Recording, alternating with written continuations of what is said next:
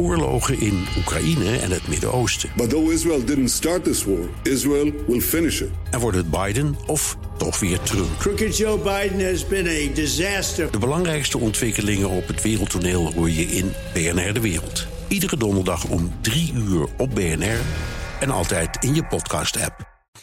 BNR De Wereld. Blik op Europa. 10.000 vluchtelingen zijn in de afgelopen vier dagen aan land gekomen in Italië. Voor de regering in Rome is de maat vol, maar de andere Europese landen blijven weigeren grote aantallen vluchtelingen uit Italië op te nemen. Hongarije gaat voorop in de strijd tegen de herverdeling. Europa-verslaggever Jesse Pinster, je hebt eerder vandaag uitgebreid gesproken met de Hongaarse ambassadeur hier in Nederland. Blijft Hongarije weigeren Italië te helpen? Ja, het zo slechte Hongarije, het land van Orbán, die ondemocratisch is. En ze zijn absoluut niet van plan om vluchtelingen op te nemen. Volgens de herverdeling, waar geen enkel land bijna haalt dat aantal, zouden ze daar zo'n 1200 op moeten nemen. Maar dat gaan ze dus niet doen. It's not about the number. It's about the principle, because we do not uh, do not see this uh, this uh, as the uh, as part of the solution. Herverdeling is dus niet de oplossing volgens ambassadeur Andris Kocic. Hij zegt, ja, we moeten het probleem niet importeren, we moeten de oplossing exporteren. Het probleem is volgens hem, als er vluchtelingen naar Hongarije komen, dan moet je ze integreren. En dat hebben we gezien in West-Europa, zeggen ze in Hongarije. Dat is mislukt. Kijk alleen maar naar de aanslagen die er in West-Europa hebben plaatsgevonden. Dus de oplossing is opvang in de regio, buitengrenzen sluiten en een Turkije-achtige deals sluiten met landen in Afrika. En als je dat hoort, dan is het eigenlijk niet zo heel erg verschillend van het standpunt van de Nederlandse regering. Ook wij willen buitengrenzen sluiten en Afrika-deals. Maar ja, daar is dat punt van herverdeling en dat blijkt toch de hele tijd tot problemen leiden. Toch blijft de Europese Commissie en West-Europese landen de druk op Hongarije opvoeren om wel mee te werken aan het herverdelen van vluchtelingen uit uh, Italië en Griekenland. Heeft die druk dan geen enkel effect? Nee, die werkt volledig averechts. Als ik het gesprek uh, van vanochtend even terughaal. Er is echt irritatie over de Europese Unie en verschillende West-Europese landen.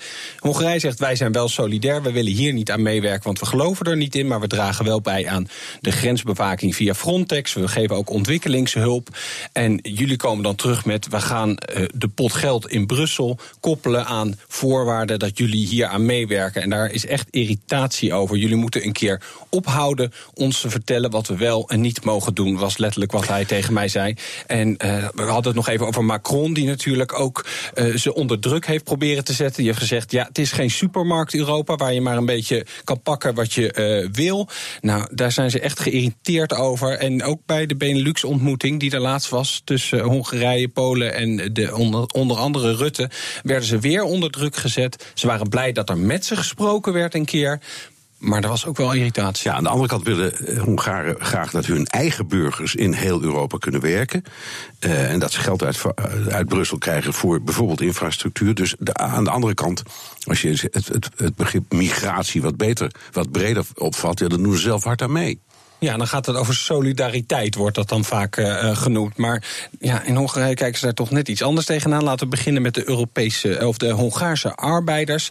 Uh, zij zeggen: wij accepteren de vrijheid van kapitaal. Dat heeft jullie heel veel opgeleverd. Daartegenover staat dat jullie ook moeten accepteren dat er vrijheid van personen en diensten in Europa is.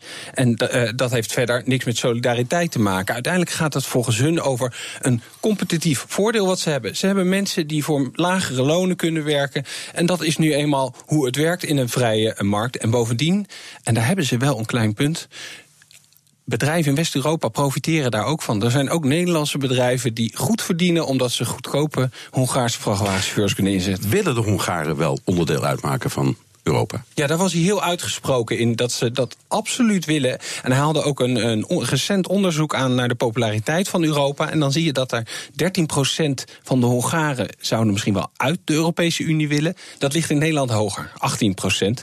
Dus uh, ze willen toch wel echt bij Europa blijven. Maar deze hele ruzie zorgt er wel voor dat ze graag de Europese Commissie een kopje kleiner zouden willen maken. Die moeten zich niet meer met politiek bemoeien. Het enige wat ze hoeven te doen is de Europese verdragen netjes bewaken. En dat is eigenlijk ook hoe de Europese Commissie uit bedoeld was. Dankjewel, Europa-verslaggever Jesse Pins. Ook Liesbeth Staats vind je in de BNR-app. Ja, heel handig. Luister live naar Kees en mij tijdens de Daily Move. Dan blijf je ook gelijk op de hoogte van breaking news en het laatste zakelijke nieuws. En daar vind je ook alle BNR-podcasts, waaronder de Perestrooikast. Download nu de gratis BNR-app en blijf scherp.